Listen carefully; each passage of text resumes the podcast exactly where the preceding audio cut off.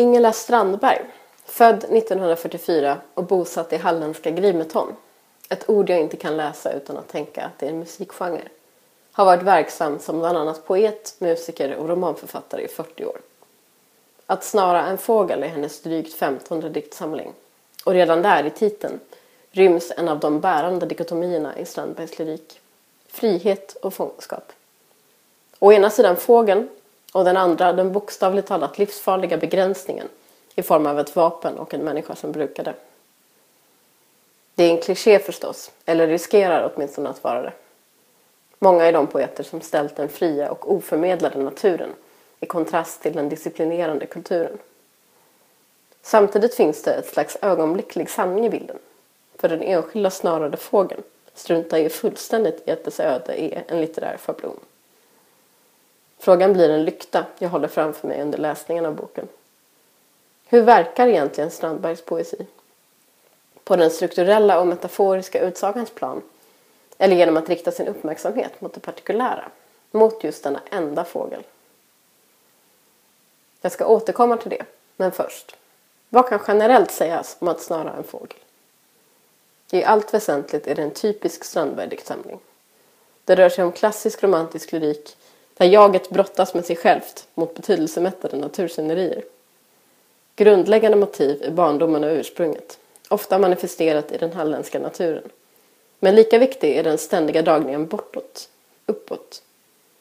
Land och luft alltså, likt djuren i titlarna på de två diktsviterna som utgör boken. Kopparödlan och Att snara en fågel. Kopparödlan är den inledande diktsviten. Den är något längre och ger till en början ett mer koncentrerat intryck än den spretigare svit nummer två.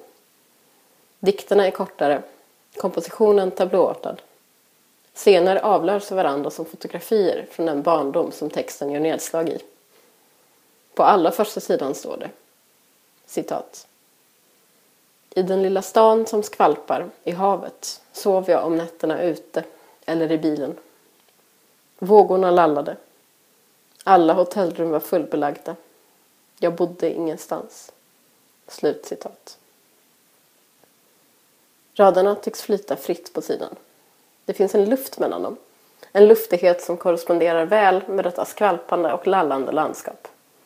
De liksom lite larviga rörelseverben etablerar ett nästan barnsligt vara i världen. Samtidigt befinner vi oss inte uteslutande i denna barndom utan också efter den i ett imperfekt. När den skvalpande lilla stan återkommer några sidor senare är det i nostalgisk belysning. Där finns, citat, ett rött tegelhus där jag lärde mig ordet humanist. Slutcitat. Som Lennart Sjögren formulerat det i en essä om Strandberg i BLM är detta en av hennes stora styrkor.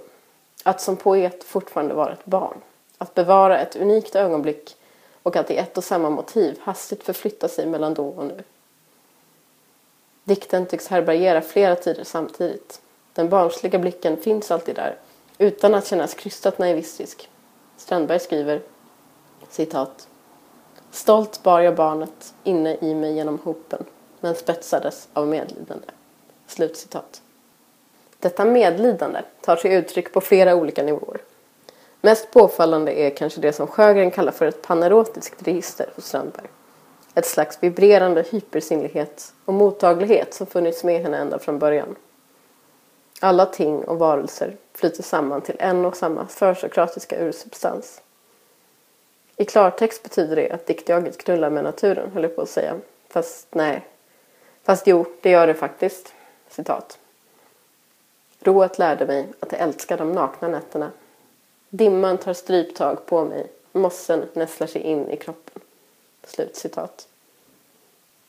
Det påminner om Stina Aronsson som i dikten Altar 1 från 1930 utbrister citat. O, att jag inte förr har förstått att alla ting är ett. Då jag brinner av min älskades kyss brinner jag av allt. Solen, norrskenet, multnandet. Slutcitat. Så ser också Strandbergs kosmologi ut. Det är centrallyrik utifrån ett subjekt som verkar både konstant och föränderligt. Mittpunkten i en värld som den också vill uppgå i. Ja, om det finns en central konflikt eller rörelse i att snara en fågel så är det kanske denna. Hur låta sig upplösas utan att förlora sig själv?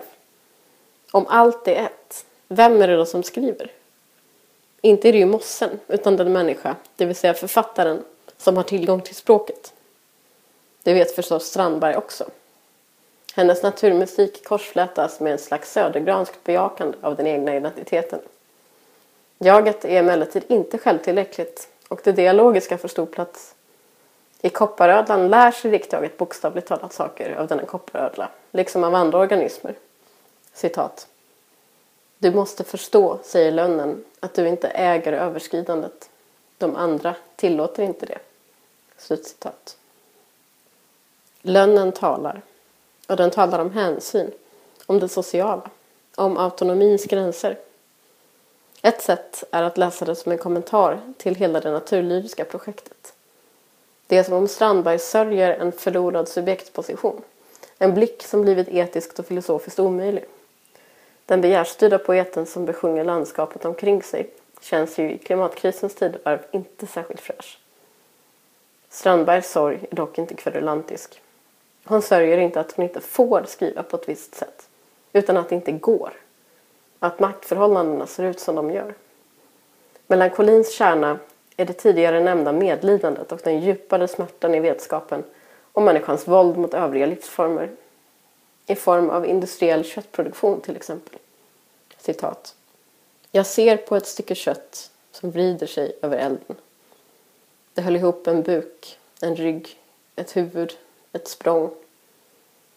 I mörkt klingande gräs, i en sluttning som frihet. Fångades, hungrade, kvävdes, fläktes. Vid klingan mindes det mig när jag stod på vägen och såg transporten gå förbi. Slutcitat. Jag tycker om det här spåret. Det för in en politisk dimension i dikten. Det släpper in den sårbarhet som hela tiden skymtar mellan raderna. Starkast blir det i den andra sviten, att snara en fågel, som i jämförelse med den föregående präglas av en konstnärligt mer intressant ambivalens. Citat. Jag glöder. Lite. Slut citat.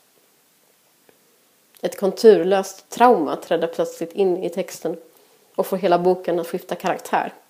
Språket är mer obundet, men också både rakare och mer konkret. Födelsen och döden löper exakt parallellt med varandra som i den här omskakande skildringen av ett missfall. Citat. Barnet kan knappast ha varit större än ett knappnålshuvud när det brådstörtat kastade sig ut ur min kropp. Varför ville du inte stanna? Jag tror att du såg ljuset under tröskeln. Att ljuset är det viktigaste. Slutcitat. När missfallet ställs bredvid slaktbilen händer något. Plötsligt uppstår en möjligen utopisk men i dikten befintlig yta av samhörighet över artgränserna. Missfallet gör människan till kropp, till en varelse utan fullständig kontroll.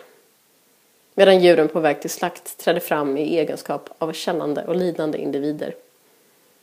Strandberg alluderar rent av till nazistiska koncentrationsläger när hon skriver citat Månen lyser över djurfabrikerna Röken står rakt upp medan bleka polacker delar nattskift med korna.